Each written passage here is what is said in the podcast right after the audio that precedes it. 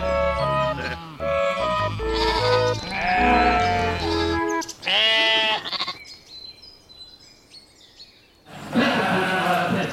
vi prova med tändfolket? Vi ser hur det smakar. 13 000, 13 000, 500 kronor, 13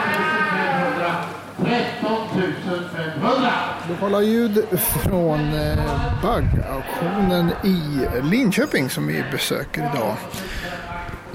Baggauktionen här i Linköping som har hållit på i drygt 20 år vid det här laget. Eh, och eh, det är en av fem olika baggauktioner som hålls i Sverige varje år. Men den är ensam i sitt slag på att sälja vita köttrasbaggar. Så idag så kan man köpa Texel, man kan köpa Dorpen, man kan köpa Suffolk, Dorset, Köttrasbaggar.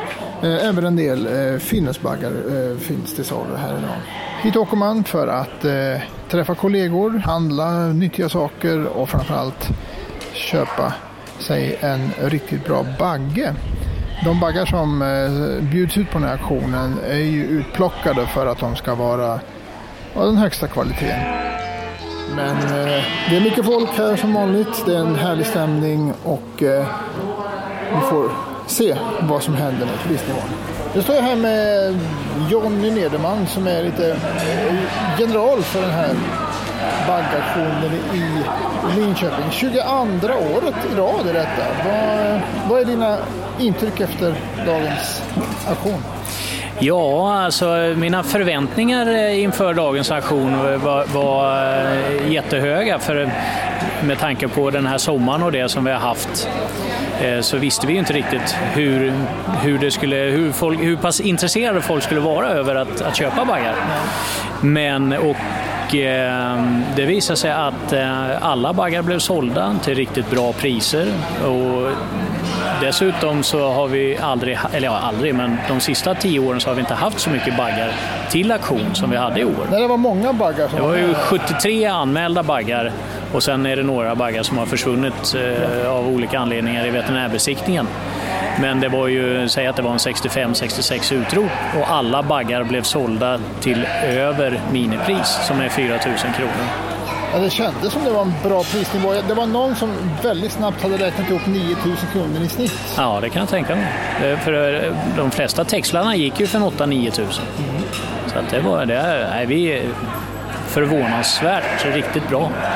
Vi är glada.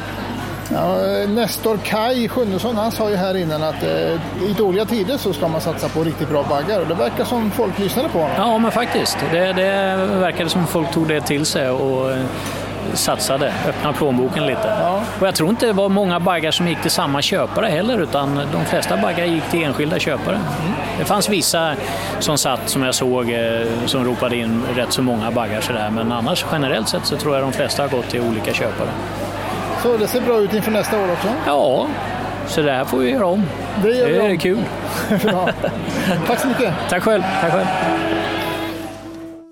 Eh, det hölls också ett litet miniseminarium här idag. Eh, hur vi skulle hantera vinterns fodersituation. Eh, Theo den Brafer från Gård och djurhälsan höll ett, djur, höll ett föredrag.